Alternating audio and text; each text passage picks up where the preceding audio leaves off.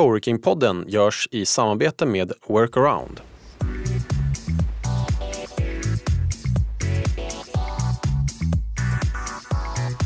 Välkommen till avsnitt 11 av Coworking-podden. Podden där vi pratar om utvecklingen av coworking i Sverige. Jag heter Martin Eriksson och driver coworkingstället Boxspace i Malmö.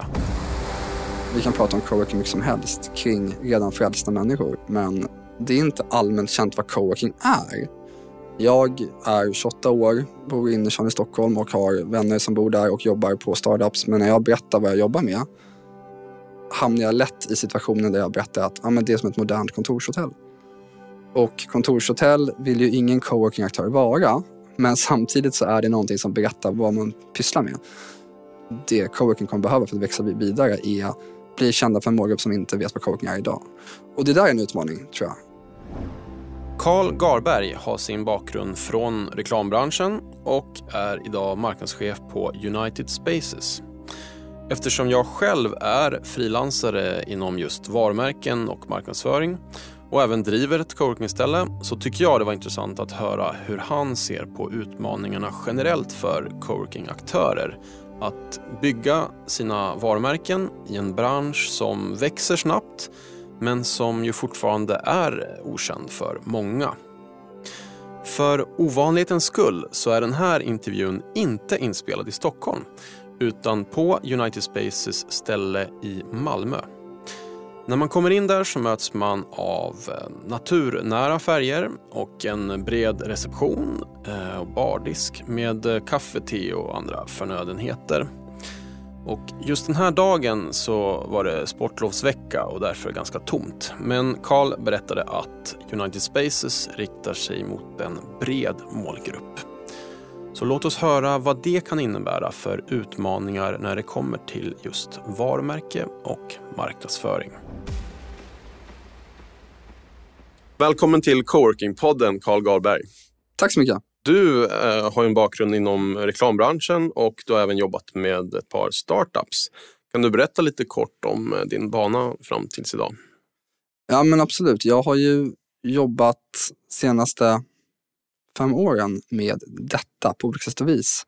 Jag började genom att komma in på iSettle och deras, vad som kallades för varumärkesavdelning. En del av deras marknadsavdelning då, där jag jobbade med deras varumärke ehm, centralt mot alla deras marknader under ett och ett halvt år ungefär. Sen hamnade jag på eh, reklambyrån McCann Stockholm där jag jobbade som strateg i ungefär två år, jobbade med stora kunder. Och sen så hamnade jag på en liten startup. Vi var fyra personer när jag kom in som heter Tomorrow, som är ett crowdfunding crowdfundingföretag där privatpersoner kan låna ut pengar till företag som behöver finansiering helt enkelt. Och sen efter det så hamnade jag här på United Spaces. Precis, så idag är du marknadschef på United Spaces. Vill du berätta om när United Spaces började? Ja, absolut. Det var länge sedan. Vi hävdar ju att United Spaces var en av de första på marknaden i hela världen med coworking. Som sagt, inte helt eh, bekräftat, men i alla fall någonstans där. 2000 startades det som kallades då för Kaordia på Kungsholmen i Stockholm. Kaordia var ett namn som var hämtat från Di Hock, eh, grundaren av Visa, som eh, hade tagit fram, det, han pratade om en Kaordic Organization, det var en av liksom, hans någonting han gick runt och föreläste om. Det handlar om chaos and order. Och det, det är lite den här motsättningen mellan att allting ska vara som det ska vara, struktur och så vidare och motsättningen med att det är kaos och det är kreativitet och det är någonting som inte är riktigt tillrättalagt. Då startade Cordia men bytte sedan namn till United Spaces av lite olika anledningar. Och det har hänt mycket sedan dess förstås. I, I, Stockholm har vi flyttat ett antal gånger. Nu huserar vi i Waterfront Building främst med några olika plan. Men även senaste två åren öppnat i Malmö, Göteborg och på Arlanda nu under våren. Okej, okay, så ni finns i Stockholm, Göteborg Malmö. Vad är aktuellt för er idag och vad har ni för målsättningar framöver? Våra målsättningar är att växa vidare som de flesta coworking-aktörerna har just idag. Det är en marknad som växer generellt. Just nu har vi hamnat i ett annat läge. Eh, vi blev uppköpta av Castellum nyligen, vilket är superintressant och någonting som jag tror kommer vara eh, väldigt fördelaktigt för United Spaces och Castellum i slutändan också för den delen. Vi ser ju den tendensen generellt på marknaden att fastighetsbolag går antingen in i befintliga coworking-aktörer, det har vi fler exempel på, eller starta egna koncept som jag vet att Vasakronan nu lanserade nyligen. Så det, det är en jättespännande resa vi har framför oss nu med Castellum. Du lyssnar på Corking-podden som jag gör i samarbete med Workaround. Den snabbaste vägen till nya kontoret. På workaround.io kan du enkelt söka efter lediga kontorslokaler i din stad eller boka en gratis rådgivning med deras kontorsexperter. Tack till Workaround. Med tanke på just din bakgrund och din position så um, tänkte jag vi skulle prata om hur ni jobbar med uh, ert varumärke som coworking-aktör och vad det kan innebära för utmaningar. Vilka är era primära utmaningar? Dels varumärke och hur ni marknadsför er som coworking-aktör. Jag tror att United Spaces utmaning och således min utmaning är samma som, som hela branschens. Att, att det är en väldigt bred målgrupp. Man kommer från en, det är traditionellt en B2B bransch men man går mer mot B2C i kommunikation och hur man bygger varumärken. Eh, vi, United Spaces just, vi är inte nischade utan vi öppnar för en bred målgrupp, eller vår målgrupp är väldigt bred. Vi har alla branscher här. Vi har alla typer av olja, vi har ett koncept som ska attrahera en väldigt bred målgrupp. Det är positivt på många sätt, men för att bygga ett varumärke så är det lätt lättare skulle jag säga om man har en väldigt nischad målgrupp och om man har en nischad stil eller vad det nu kan vara. Om man är, man är för techföretag, då kan man vara techig i allt man gör så att säga. Och då kan man lätt hitta en position där man blir ett techigt ställe så att säga. Vi måste vara neutrala på ett sätt så att både techbolag men också utbildningsföretag och handelskamrar och startups känner sig hemma. Och då måste man vara lite mer bred i sin tonalitet och i sin position och då är det lite svårare att, att hitta den här positionen. Så det, det är en utmaning för oss men också andra aktörer. Eh, jag tycker spontant, om vi tittar på coworking-marknaden i Sverige och Norden så tycker jag att, att många av coworking-aktörerna som är väldigt duktiga på, på mångt och mycket, att vi, att, att vi alla har samma problem. Jag tycker inte att det är någon som står ut som har gjort det här på ett briljant sätt. Det finns ingen secret sauce riktigt att, att hitta än. Jag tycker att eh, likt United Spaces så tycker jag att många aktörer är dåliga på det här och bygga varumärken hittills. Vad det beror på, det, det, det, är svårt att säga. Det kan ju vara just den här problematiken att hitta den här positionen och sen så hålla fast vid den och eh, skapa aktiviteter som befäster en position. Eller ta den vidare och bygga vidare på den. Som sagt så tror jag att det är en, eh, det är en utmaning för, för alla oss att, att hitta det här eh, hitta den här relevansen för målgruppen när, man, när målgruppen är så pass bred. Vad tror du då kommer vara viktigt generellt eh, för coworkingföretag för att lyckas eh, att eh, positionera sig som varumärke och, och nå ut med sin marknadsföring? Jag tror att det finns lite olika saker man måste ta upp. Det är både själva konceptet coworking, EA, för, för oss i branschen och jag tänker mig många av lyssnarna vet vad coworking är. Det är en, dock en ganska begränsad massa människor, eller antal människor så att säga. Det är inte allmänt känt vad coworking är det är farligt att börja att anta att folk känner till vad coworking är. Det tror jag är en, det är en farlig fallacy nummer ett för marknadsförare och kommunikatörer. Att, att man har lite för mycket inifrån ut perspektiv. Det kan jag bara prata om utifrån mitt eget perspektiv. Jag är 28 år, bor i innerstan i Stockholm och har vänner som bor där och jobbar på startups. Men när jag berättar vad jag jobbar med och nämner att jag är ett speciellt coworking-företag, då är det många som inte vet vad det är. Och då hamnar jag lätt i situationen där jag berättar att ah, men det är som ett modernt kontorshotell. Och kontorshotell vill ju ingen coworking-aktör vara, men samtidigt så är det någonting som berättar vad det faktiskt vad, vad, vad man pysslar med. Och det där är en utmaning tror jag för, för hela branschen. Eh, det är inte specifikt för ett varumärke utan det är ju för hela branschen coworking och den växer ju så att den här eh, kännedomen kring coworking ökar ju hela tiden men fortfarande väldigt, väldigt begränsad om vi jämför med vad, vad kontorshotell till exempel har. Och det, det tror jag är en, är en utmaning framåt. Att driva coworking-kategorin så att säga, att driva kännedomen kring coworking.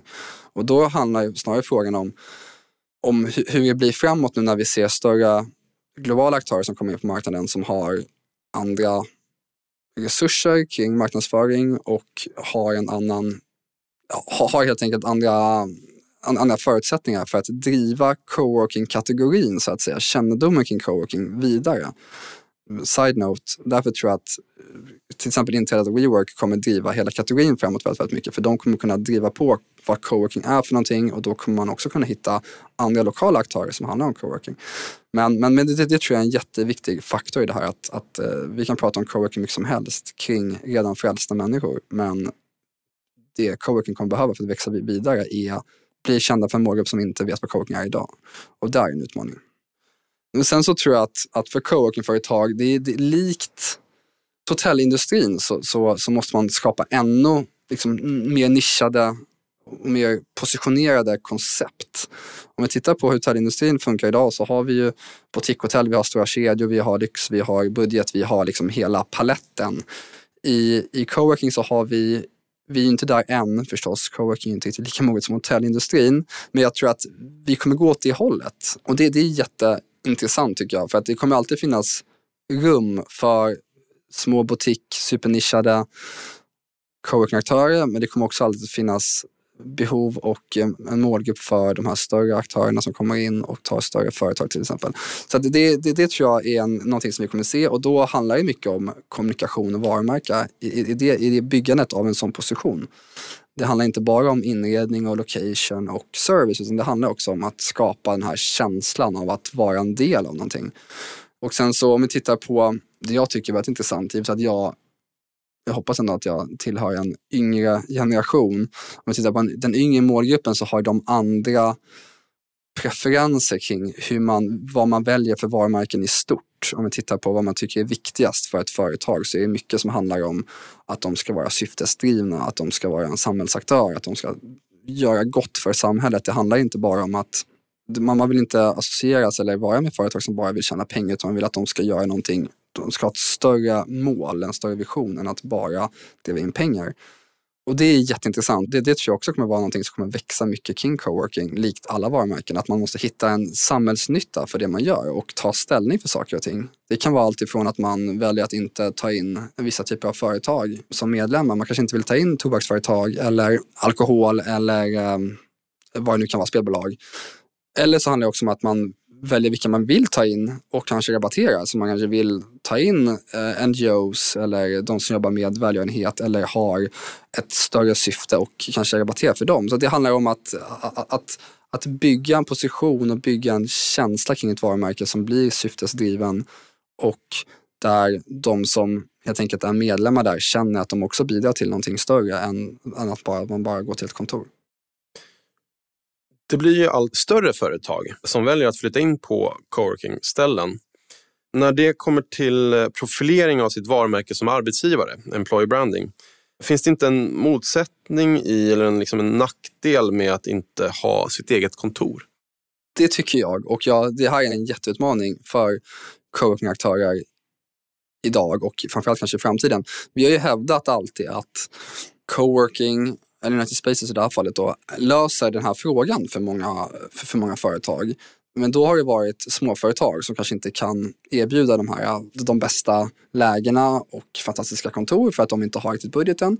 Men då kan man hamna på ett sånt här ställe eh, och därmed liksom kunna attrahera eh, duktiga medarbetare och så vidare. Men när det kommer till stora företag som vill bygga en stark intern kultur så är det en utmaning att vara en del av en annan kultur helt enkelt. Vi ser det i, i Stockholm till exempel så har vi i Stockholm och Göteborg också för den delen, så har vi många stora företag. Det är den starkaste trenden hos oss också. Vi har ju företag från en person till över hundra bland våra medlemmar. Och då handlar det om att hitta en balans mellan att vara ett coworking, vara en coworking-aktör som har en typ av kultur, men också kunna skräddarsy lösningar till större företag som, där de kan balansera det här och ändå få utrymme att bygga sin egen. Det är jättesvårt tror jag och eh, inte svårt på det sättet att det inte går att göra. Men jag tror att eh, det här är learning by doing. Det här kommer vi bli bättre på. Men det är en utmaning för att kontoret är en viktig del i en internkultur för ett företag. Och jag tror också att alla företag kommer inte sitta på coworking-aktörer. Det finns företag som, som kommer vilja sitta på sina egna kontor. Så kommer det alltid vara. Så coworking är inte för alla. Däremot det jag tror man kanske kommer se mer och mer utav är att, att man kanske då har coworking-kontor som ett komplement till anställda. Vi säger att eh, Nordea eh, har sitt huvudkontor och sen så vill de ändå ge någonting mer till sina anställda så att de ger ett medlemskap Eh, där man kan sitta en gång i veckan och för att få inspiration och eh, miljöombyte och så vidare och sitta då på ett coworkingkontor. Så att man blir medlem, men det är inte ens huvudkontor. Så man bygger fortfarande internkulturen på kontoret men anställda på företaget ska fortfarande kunna dra nytta av att man kan få miljöombyte, inspiration, kunna gå på event, kunskapsutbyte och så vidare genom att man har ett, eh, ett medlemskap hos en aktör. Det tror jag kommer växa. Tack så jättemycket Karl för att du vill vara med i Coworking-podden. Tack själv, jättekul att vara med. Det var Carl Garberg från United Spaces. Carl nämner ju att det är en utmaning generellt att just begreppet coworking fortsatt är relativt okänt och att han tror att WeWork kommer att ha en viktig roll i att driva kännedomen om coworking när de nu inom kort etablerar sig i Sverige för första gången. Ganska passande då att jag i nästa avsnitt kommer att prata med Simon Rossi som är General Manager för WeWork i Norden. Missa inte det avsnittet. Tack till min samarbetspartner Workaround, den snabbaste vägen till nya kontoret. Om du söker nytt kontor till ditt företag, gå in på workaround.io. Den här podden görs av mig, Martin Eriksson och Podcast in a box. Ett allt i ett paket för företag som vill starta podcast. Vill du veta mer, gå in på podcastinabox.se. Kom ihåg att prenumerera på Coworking-podden. Har du tips på personer att intervjua eller om ditt företag vill delta som sponsor? Hör av dig på martincoworkingpodden.se.